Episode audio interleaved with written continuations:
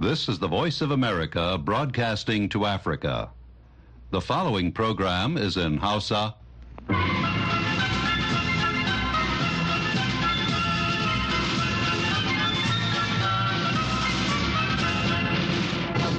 Sashen Hausa na murya Amurka ke magana daga nan birnin Washington DC.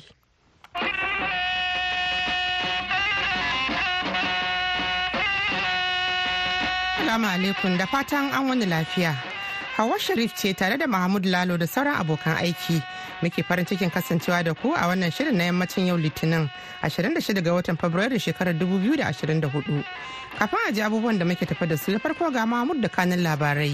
To hawa a yau litinin ofishin Firayim Ministan Isra'ila Benjamin Netanyahu ya ce dakarun Isra'ila sun miƙa wa majalisar da ke kula da yaƙin ƙasar wani tsari kan yadda za a kwashe Falastinawan wanda ke zaune a yankin zirin Gaza da kuma tsarin yadda Isra'ila ke shirin kai samami a yankin. Dakarun ukraine a yau litinin har ila yau sun ce sojojin rasha sun kai wani farmakin sama da jirage mara matuka goma sha huɗu. Hukumomin afghanistan ƙarƙashin mulkin taliban sun sake aiwatar da wani hukuncin kisa a bainar jama'a. Kanun labaran kenan. A ɓangaren rahotanni za a ji yadda matsalar tsadar rayuwa sakamakon faduwar darajar naira da ake ci gaba da fama da ita a najeriya ta shafi bangarori da dama a ƙasar da kuma jefa mutane cikin matsanancin kuncin rayuwa. Muna kuma tafa da dubi akan yadda rashin bayar da kula da ta dace ga mutane masu naƙasa ko buƙata ta musamman kan kai su ga bigewa da barace-barace. Duk kuwa da illolin da hakan ke da shi. Sai a biyo mu a cikin shirin domin jin waɗannan da ma sauran rahotanni da ke tafi a cikin shirin. Kamar kowace ranar litinin yau ma muna tafi da shirin ilimi garkuwar dan adam tare da baban gida jibril. Amma fa duk sai bayan an sha kashin farko na labaran duniya.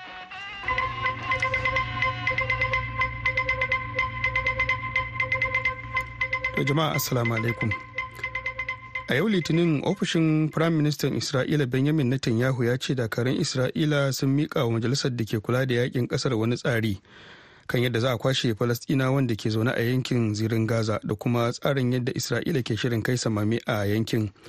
Sanarwar ta biyo bayan wani alwashi da netanyahu ya sha na ɗaukan matakin tura dakarun ƙasa cikin yankin rafa da ke kudancin gaza. Inda sama da rabin al'ummar gaza ke samun mafaka daga yaƙin da ake yi. Sai dai wannan sanarwa wacce aka fitar a yau litinin bata bayyana karara inda za a mayar da falastinawan ba idan har aka kwashe su daga yankin na rafa hakan na faruwa ne yayin da amurka take jan hankalin isra'ila kan ta tabbata ta ɗauki matakan da suka dace na kare fararen hula kafin shiga yankin. We've been clear that we do not believe that an operation, a major military operation, should proceed in Rafah unless there is a Mai ba da shawara kan sha'anin tsaro a fadar White House Jack Sullivan kenan yake cewa mun fito kararramin faɗa wa Isra'ila cewa ba ma goyon bayan aiwatar da wani harin soja a rafa har sai an tabbatar akwai wani kwakwaran tsari ne da za a kare rayukan fararen hula. Shi da garin rafa na zaune ne a kan iyakar gaza da masar yayin da yaƙi ya riga ɗaiɗai da arewacin zirin yankin sanadiyar wata huɗu da kwashe ana fafatawa. Ita dai ƙasar masar ta ce ba za ta buɗe iyakarta ba. Dakarun ukraine a yau litinin sun ce sojojin rasha sun kai wani farmakin sama da jirage mara matuka sha huɗu hada da makamai masu linzami shida a ukraine. Dakarun saman ukraine din sun ce sun kakkaɓo akalla tara daga cikin jirage sha huɗu a yankin kharkiv da dmitrovsk sannan sun lalata uku daga cikin makamai masu linzami.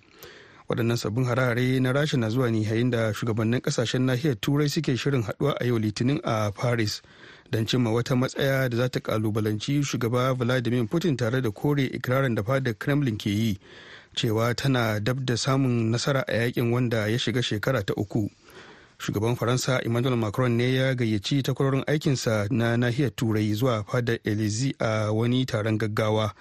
Don duba yadda rasha take kara zafafa mamayata cikin 'yan makonnin nan kamar yadda masu ba macron shawara suka ce. A yau litinin ake sa ran 'yan majalisar dokokin ƙasar hungary za su amince da yunkurin da sweden ke yi na shiga ƙungiyar tsaro ta neto idan har suka amince sweden za ta zama mamba ta 32 a wannan kawance wanda tun a shekarar 2022 ta nemi shiga bayan da rasha ta mamaye ukraine. A bara ƙasar finland wacce ita ma ta nemi shiga ƙungiyar tare da sweden ta zama mamba a neto bisa tsarin dokokin ƙungiyar duk ƙasar da take da muradin shiga kawancen sai ta samu amincewar kowace mamba a ƙungiyar ta neto hungary ce kuma kasa ta ƙarshe da bata bayyana matsayarta ba. Akwai dai 'yan rashin jituwa tsakanin sweden da hungary saboda zargin da ukraine ke yi wato hungary take yi na cewa 'yan majalisar ƙasar suna katsalandan a harkokin siyasar ƙasar ta hungary. An jima kaɗan mahamud zai sake shigowa da ci gaban labaran duniya. Kafin nan bari mu je ga rahotonmu na farko wanda zai kai mu najeriya inda matsalar tsadar rayuwa sakamakon cire tallafin mai da faduwar darajar naira da ake ci gaba da fama da ita a najeriya ta shafi bangarori da dama da matso mu al'umma ƙasar cikin bakin talauci da kuncin rayuwa. Wakiliyarmu a kano baraka bashir na ɗauke da ƙarin bayani. Balaraba wacce ba sunanta na gaskiya kenan ba tana fama da wata lalurar rashin lafiya. Wacce take sa take buƙatar wasu magunguna akai-akai sai dai a yanzu magungunan suna yi mata wahalar samu sakamakon yadda tsadar rayuwa da ƙarancin dala a Najeriya suka tilasta wa kamfanoni da ke rarraba magunguna da ke amfani da shi ficewa daga ƙasar. A da muna karɓan allurar daga wajen kamfani inda muke samunta a dubu biyu da ɗari biyar a lokacin. To amma daga baya da kamfani ya bar Najeriya allurar ta yi tsada tana ƙara kuɗi tana ƙara kuɗi har a yanzu allura tana kaiwa dubu goma sha bakwai har zuwa sama. A shekara ta 2023 manyan kamfanonin magunguna da suka haɗar da GlaxoSmithKline GSK suka sanar da kawo ƙarshen aikinsu a Najeriya saboda dalilan da suka hada da ƙarancin riba saboda tsadar dala. Hakan ya jefa marasa lafiya da suke dogaro da kamfanonin wajen samun allurai da sauran magungunan cututtukan da suke fama da su cikin mawuyacin hali da kakanikayi kamar balaraba. Na ɗauke da lalurar sikla shine ta ja min wannan lalurar ta DBT. Mai ɗauke da lalurar ya kamata ya zama yana kan wata allura da ya kamata ta dinga tsinka mishi jini don kai ya shiga masa jijiya don kai ya shiga masa zuciya ko huhu. Dr. Mahmud Kawu Magashi likita a asibitin koyarwa na Aminu Kano ya ce barin waɗannan kamfanoni na haifar da naƙasu ga harkar lafiya. Akwai da yawa daga ciki waɗanda su idan sun yanke mana a nan to suna da wahalar samuwa domin ba ƙananan ɗakunan sai da magunguna ne suke iya ajiye su. Musamman irin wanda zaki ga ko da yaushe wani lokacin an fi son a gan su a cikin sanyi. Misali akwai wani magani da akan yi amfani da shi wajen hana dunkulewar jini wanda akwai wasu daga cikin marasa lafiya ko kuma wasu daga cikin kai masu juna biyu wanda suke amfani da shi saboda yanayin wataƙila wata larura da suke da ita. To za ki ga irin wannan lokacin idan ya yanke a asibiti samun sa yawanci yana da wahala saboda addini da za a samu shi sai babban ɗakin sai da magunguna inda za a iya ajiye shi a cikin wannan sanyin ga kuma tsada Dr. Abdulrazak Fage, malami a jami'ar Yusuf Maitama ya ce dole ne hukumomi a Najeriya su tashi tsaye don kare darajar kuɗin ƙasar domin kawo ƙarshen ficewar kamfanonin ƙasashen waje da suka hada da na masu sayar da magunguna. Kamfaninnika da dama musamman wanda suke daga ƙasashen turai suka do wanda suke ƙirga riba da faɗuwa a dala ko kuma kuɗaɗen ƙasashen waje da dama su su rufe ba za su iya ci gaba da harka a Najeriya ba saboda karyewar darajar naira da ake samu. To su kuma suna samun suna yin sarrafe-sarrafe ne a najeriya su saida a naira. Suna tattara kuɗin shigar su a naira sannan duk lokacin da za su tura da riba ƙasashen su sai sun canji kuɗaɗen ƙasashen waje musamman dala ko euro. To da zarar sun canja saboda naira tana karyewa sai ya zama na babu ribar da za su tura. Sai dai kuɗin da za su riƙe su ci gaba da tafiyar da harkokin businessin su sannan kuma ga tsadar sarrafe-sarrafen saboda mai tsadar makamashi da sauran ababen da suke amfani da su da ma kayan haɗi da suke siyowa daga wajen da shi ma duk suna siyowa ne da dala. Wannan ta sa da yawa ba za su iya ci gaba da harkokinsu ba. Yanzu dai marasa lafiya a najeriya irin su balaraba suna fatan hukumomi za su ɗauki mataki da daidaita al'amura a ƙasar ta yadda za su riƙa samun magunguna cikin sauƙi kuma a wadace. Baraka bashir daga kano a najeriya.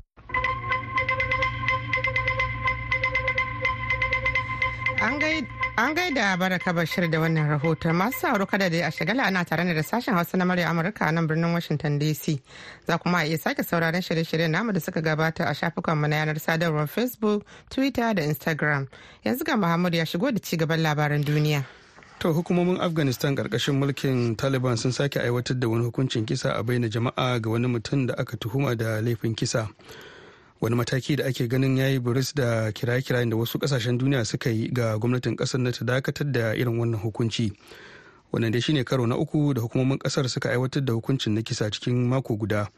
kotun kolin taliban ta sanar da cewa an aiwatar da hukuncin ne a wani filin ƙwallon kafa da ke shavagan babban birnin lardin jozan da ke arewacin ƙasar ta afghanistan mutumin da aka aiwatar da hukuncin kisan an same shi ne da laifin kashe wani matashi a shekarar 2022 sanarwar ta ce sai da aka yi mishi shari'a a kotuna uku ciki har da kotunan ɗaukaka ƙara guda biyu kafin daga bisani a aiwatar masa da hukuncin na kisa bisa tsarin shari'ar islama. Hukumomi a koriya ta kudu sun yi kira ga likitoci masu ƙoƙarin sanin makamar aiki da su koma bakin aiki yayin da yajin aikin da suke yi ya shiga mako na biyu. Dubban ƙananan likitocin sun mika takaddun ajiye ayyukansu suka kuma daina zuwa aiki a wani mataki na nuna fashinsu kan wani shiri da gwamnati ke shirin aiwatarwa na ƙara adadin masu neman shiga harkar likitanci sanadiyar ƙarancin ma'aikatan lafiya da ƙasar ta koriya ta kudu take fuskanta. Ministan cikin gida da kara haɗura lisan min ya ba likitocin wa'adin nan da ranar alhamis da su koma bakin aikinsu yana mai cewa bijirewa hakan zai sa a ɗauki tsauraran matakai a kansu.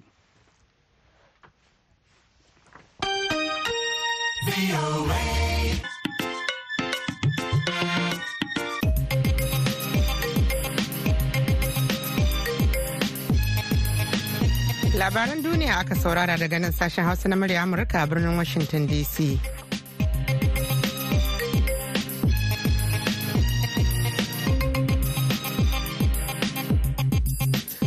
madalla har yanzu dai muna najeriya inda wasu ke ganin halin da halin ko kula da ake nuna wa mutane masu na ƙasa ko buƙata ta musamman akan tilas kan sa su su bige ga barace-barace domin tsira da rayuwa.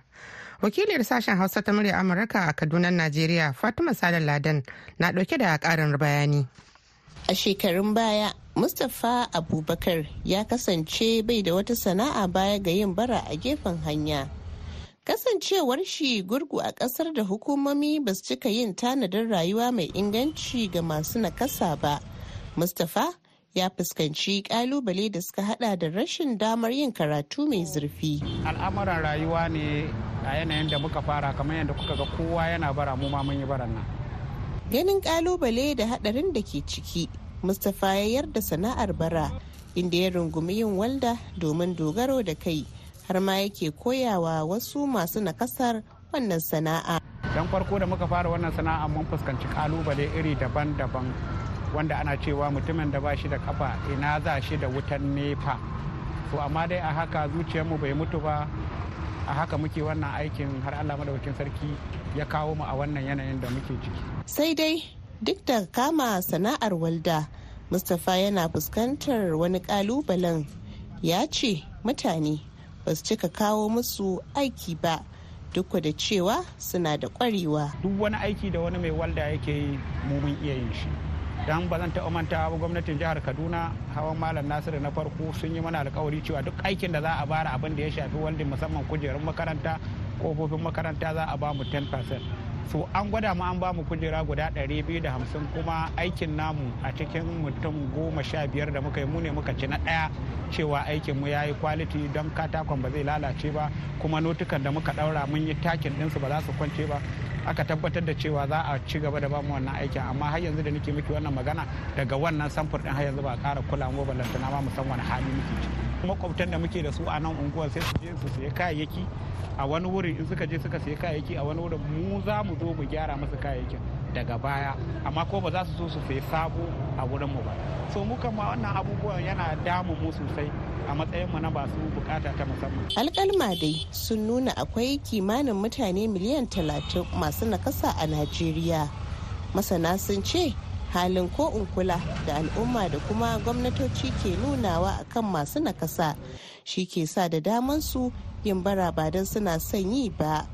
An bar su babu ilimi an bar su babu sana'a an bar su kayan da idan suka yi ta nasu kokare idan suka yi babu mai saya al'umma ba su saya gwamnati ba ta saya. To da irin wannan yanayin me ake son su yi da rayuwarsu? To mafi yawa dai waɗannan abubuwan su ne ƙalubalen da waɗannan al'ummar da suke fuskanta. Yayin da mustapha da sauran masu nakasa da ke koyon aiki a gurin shi suka zaɓi sana'ar walda a maimakon yin bara suna kira ga gwamnati da sauran al'umma. Da su goya musu baya ta hanyar ba su aiki da zai hana su komawa ga yin bara. Fatima salaladan daga kaduna a najeriya. A gaida fatima sale kada da ya a shafa ana sauraron shirin ne daga nan birnin washington dc akan mitoci 1625 da kuma 31 a jamhuriyar niger za a iya sauraron mu a tashar mu ta voa africa akan mita 200.5 baya ga haka akwai yaushe aka ra'ayi za a iya zuwa shafukanmu na intanet a voahausa.com ko kuma sashen hausa.com yanzu kuma ga shirinmu na gaba. Ilimi garkuwar dan adam. Can hakika ba da tangarɗa ba kan marar ilimi abun rainawa himma da ƙwazo ƙoƙayen musulminku. Masu rarwa salamu alaikum barkamu da warhaka barkamu da sake saduwa a cikin wani sabon shirin ilimi garkuwar dan adam. A cikin shirin namu na yau, gwamnatin jihar Neja da ke arewacin Najeriya ta ba da umarnin dakatar da duk wasu muhawara da ake yi a makarantu domin wasa kwakwalwar ɗalibai ko mai zafi. Kuma mai girma gwamna ya ce a kirawo yaron ma shi yana so ya yi magana one on one da yaron ya ji me dalilin da ya sa ya yi irin wa'annan furuci. a jihar kano kuwa gwamnatin ce ta bayyana cewa ta ɗau alwashin ɗaukar matakai na kawar da ɗalibai da yanzu haka ke gararan ba titina ba tare da halartar makarantu ba lokacin da muka zo mun samu challenge da yawa a irin wannan abubuwan mun yi bakin ƙoƙarin mu na ɗaya mun ɗauki malami mun yi bakin ƙoƙarin mu mun dawo da cewa albashin su yanzu yana samuwa a ran 25 ga wata. To sai dai kuma wasu masu lura da harkokin ilimi a jihar sun ce sai gwamnati ta yi da gaske. Har yanzu mafi yawan makarantu a birni da ƙauye ba su da su waɗannan kaya da aka ce an yi ikirarin da akwai. Idan har da akwai daman magana dai ta ayyuka ne na agile ba ayyuka na ita kankin kanta gwamnatin jihar kano da ta fidda kuɗi da kuɗin lalita ta yi ba. Duka waɗannan za su zo muku ne a cikin shirin namu na wannan mako. Can hakika ba da tangarɗa ba kan marar ilimi abun rainawa. Himma da ƙwazo ƙoƙayen musulminku. To madalla a kwanakin baya ne dai wani faifan bidiyo na sada zumunta ya karaɗe shafuka da dama inda kuma aka nuna wani ɗalibi ɗan makaranta na firamare na gudanar da muhawara ko debate a turance inda kuma a ciki yake caccakan gwamnatin shugaba Bola Ahmed Tinubu wannan muhawara dai ya dawo kace na ce inda har gwamnatin jihar Neja ta ba da umarnin dakatar da duk wasu muhawara da ake yi a makarantu. To ko me ya zafi ga dai kwamishinar yada labarai a jihar Neja Hajiya Binta Maman a hirar da ta yi da wakilinmu Mustapha Nasiru Batsari. Mai girma gwamna ya ce a kirawo yaron ma shi yana so ya yi magana one on one da yaron ya ji me dalilin da ya sa ya yi irin wa'annan furucin. Na'am to yanzu me ya matsayin gwamnati akan su malaman makarantar akwai wani hukunci ne koko dai kawai an gana da su ne. Kawai sanctioning din su aka yi. For now tun da yanzu kaga yadda katsan take ana cikin wani yanayi ana cikin wani irin hali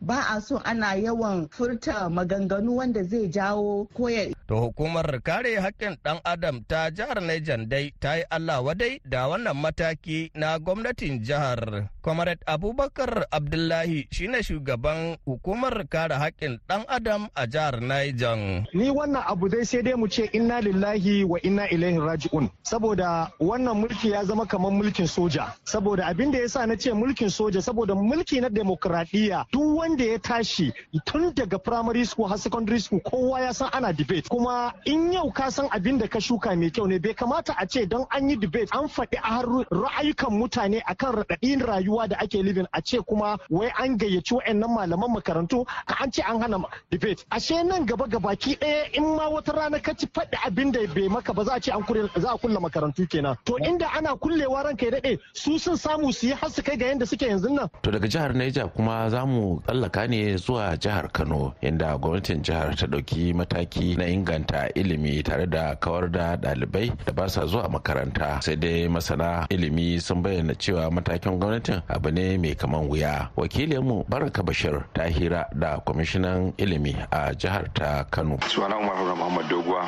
ni ne kwamishinan ilimi na jihar kano. Wannan taro da muka yi ya ta'allaka ne akan zaburar da iyaye ko kuma iyaye nauyin su da ya wajabta a kansu na tabbatar cewa 'ya'yan sun samu ilimi kuma ilimi ingantacce. Mun lura ƙwarai da gaske cewar tun daga shigowar mu mun samu wahalhalu ko mun samu ƙalubale da yawa na ba a yi kaza ba ba a yi kaza ba ba a yi kaza ba. Wani masu muna ganin maganganci ne da gwamnatin ba ta yi ba. Amma dai duk aka muna ɗauka matakai na yaya za mu gyara wani abubuwan. Dama ita makaranta abubuwa uku ne suke makaranta. Akwai malami akwai ɗalibi akwai ɓangaren infrastructure ko kuma ce ɓangaren kayayyakin da za su ba a makaranta. Wannan ya haɗa da littattafai da kujeru da shi kansa gina makarantar. Amma muhimman abubuwa su ne waɗannan guda uku. Amma guda biyu suka fi muhimmanci wato malami da ɗalibi. da malami da ɗalibi da kuma su waɗannan infrastructure. Lokacin da muka zo mun samu challenge da yawa a irin wannan abubuwan na musamman infrastructure to mun yi bakin ƙoƙarin mu na ɗaya mun ɗauki malami. Mun yi bakin ƙoƙarin mu mun dawo da cewa albashin su yanzu yana samuwa. A ran 25 ga wata mun samu su promotion din su. Sannan kuma mun yi bakin ƙoƙarin mu ga cewa dukkan wani abu da ya zama cewa zai sa malami ya ji daɗin aiki muna ƙoƙarin za mu shi insha Allah. Wadansu mun yi ko wadansu muna in process. Sannan mun zo kan ɗaliban nan mun gyara tsarin abincin su da ake bayarwa yanzu. Ba irin abincin da ake cewa da ba ga makarantun kwana kenan. Sannan kuma su wanda suke makarantun je ka dawo mun tabbatar cewa dukkan abu da ya kamata da biyan kuɗin jarabawa da gwamnati kamata ya ta yi musu. To wanda dalilin sai misali muke ganin cewa ya kamata su ɗaliban su ma su fara zuwa makaranta da wuri domin a ga cewa ba a barin yara suna romin akan titina. To bayan wannan kuma za mu shiga kan maganar infrastructure wannan har mun fara mun ɗauki analysis mun yi komai da komai ko kwanan za mu fara shi da izinin Allah.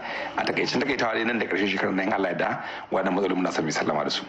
Ok zan dan koma baya a infrastructure din da kuka zo kwatarar da babu za ka iya gaya min ƙididdiga misali kamar mun gano cewar muna da ɗalibai yanzu a kano miliyan biyar da dubu ɗari uku. A out of that miliyan biyar da dubu ɗari uku mun gane cewar kusan mutum miliyan huɗu da dubu ɗari biyar suna zaune a ƙasa ne.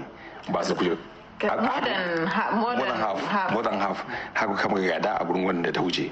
Saboda mun yi cost cin cewa idan zaka gina waɗannan kujerun ma a dubu arba'in arba'in talatin da biyar biyar misali mai three seater ɗin nan ko two seater two seater misali na gida ta haka. Sannan ka expect din mutanen da zaka ɗauka a cikin waɗannan azuwan idan ka ce kai three seater kana buƙatar 1.5 seat 1.5 million seat. Inda ka da 4.5 wanda suke zaune a ƙasa kana buƙatar 1.5 million seat su ɗauki mutum uku. To ko ce idan miliyan arba'in arba'in ne in kika lissafin kuɗin za ta ga muna magana wajen biliyan arba'in ne zuwa biliyan sittin. To ta yaya za ku samu wannan kuɗi? Ba ƙaramin kuɗi ba ne saboda abin da shi ne tagarin zabi a hankali a hankali za a riƙa yi a yi nan an gyara nan a yi nan an gyara nan amma dai abin da muke tabbatar da jama'a shi ne gwamna yana da commitment shi yasa ma ya ware kashi ashirin da tara da bakwai na budget ɗinsa a kan harkar ilimi.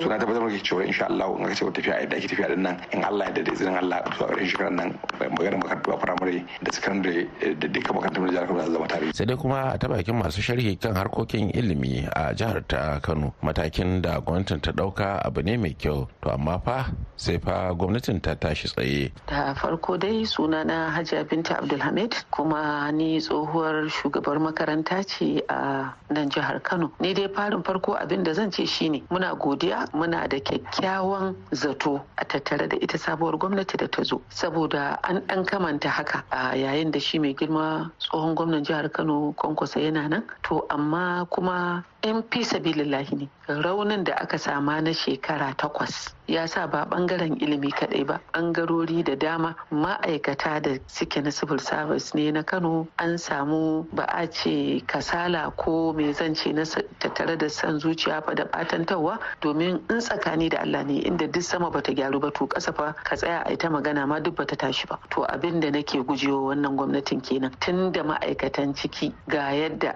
mafi yawa suka zama to ya zama lallai tukuna yadda yake da buri da kudirin gyaran nan to ya farkar da zuciyoyi. A samu a gidajen rediyo tun da kano ta cika da gidajen rediyo kala-kala yanzu a yi ta faɗakarwa ta responsibility na iyaye da jama'a akan ingancin a ba da ilimi ingantacce domin samun kyakkyawar rayuwa. Da farin farko abin da zan ce miki shine har yanzu mafi yawan makarantu a birni da ƙauye ba su da su waɗannan kaya da aka ce an yi ikirarin da akwai. Idan har da akwai daman magana dai ta ayyuka ne na ajai ba ayyuka na ita kankin kanta gwamnatin jihar kano da ta fidda kuɗi da kuɗin lalita ta yi ba ko a bayan ma a shekaru takwas ɗin haka tsarin yake. Idan an ce an ɗebi wasu 'yan ajujuwa a makaranta an gyara su an saka kujeru ai ka ga ba makarantar gaba ɗaya aka gyara ba. Makarantar da take da aji talatin ko kuma ishirin in an ɗebi guda huɗu ko biyar a ciki aka gyara to ai ba a ce an yi gyara a makarantu ba jam'u a kai kenan.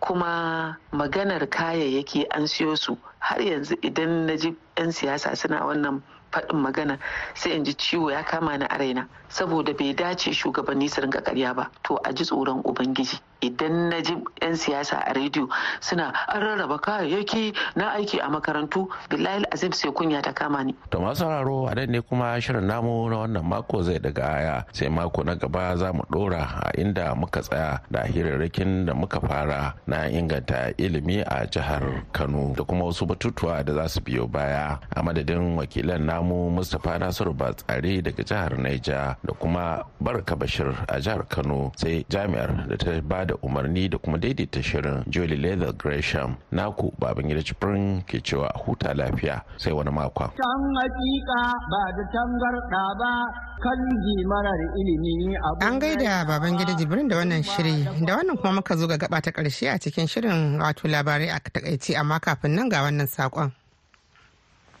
Tsaka mai wuya. Sunana asabe baba na haya tsaka mai wuya.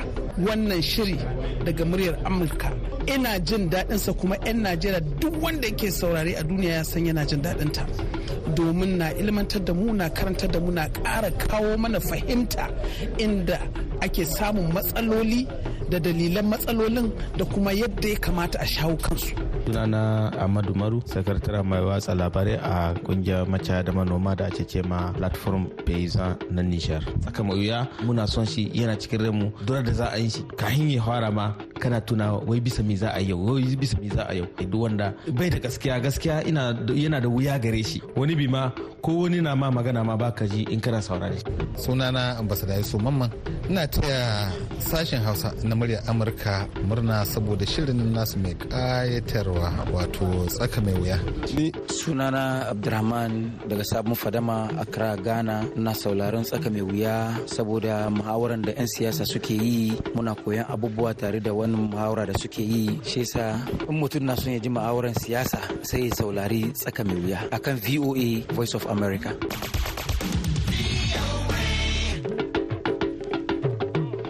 To madalla yanzu ga Mahmud da labarai a taƙaice.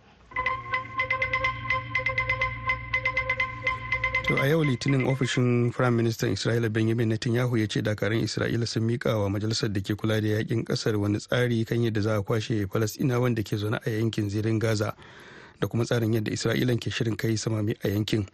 Sanarwar ta biyo bayan wani albashi da Netanyahu ya sha na ɗaukan matakin tura dakarun ƙasa cikin yankin Rafa da ke kudancin Gaza inda sama da rabin al'ummar Gaza ke samun mafaka daga yaƙin da ake yi. Sai dai wannan sanarwar ba wacce aka fitar a yau litinin bata bayyana karara inda za a mayar da falastinawan ba idan har aka kwashe su daga yankin na rafa dakarun ukraine a yau litinin sun ce sojojin rasha sun kai wani farmakin sama da jirage mara matuka sha huɗu hada da makamai masu linzami shida a ukraine din dakarun saman ukraine sun ce sun kakkaɓo akalla tara daga cikin jiragen sha huɗu a yankin kharkiv da dimitrov sannan sun lalata uku daga cikin makaman masu linzami. Waɗannan sabbin hare-hare na rasha na zuwa ne yayin da shugabannin ƙasashen nahiyar turai suke shirin haɗuwa a yau litinin a paris don cimma wata matsaya da za ta kalubalanci shugaba vladimir putin tare da kore ikirarin da fadar kremlin ke yi tana cewa tana dab da samun nasara a yaƙin wanda ya shiga shekara ta uku.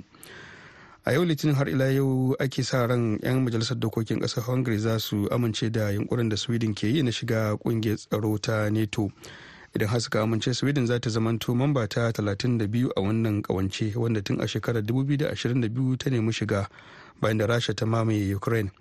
A bara ƙasar finland wacce ita ma ta nemi shiga ƙungiyar tare da sweden ta zama mamba a neto bisa tsarin dokokin ƙungiyar duk ƙasar da take da muradin shiga kawancen sai ta samu amincewar kowace mamba a ƙungiyar ta neto hungary ce kuma ƙasa ta ƙarshe da bata bayyana matsayinta ba.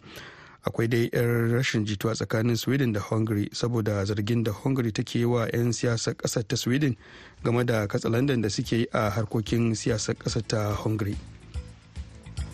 To masu baki ɗaya kuma a nan ne za mu naɗe tabarmar shirin na yanzu sai idan Allah ya kai mu da daddare wato tara da rabi agogon Najeriya Nijar Kamaru da Chadi wanda zai daidai da ƙarfe takwas da rabi agogon GMT da Ghana za a ji mu ɗauki da wani sabon shirin. Kafin nan a madadin Mahmud Lalo da ya taya ni gabatar da shirin ya karanto labaran duniya sai Julie Lawrence Gresham da ta ba da umarni da injiniyan mu na yanzu Hawa Sharif ke muku sallama daga nan Washington DC sai an ji ku.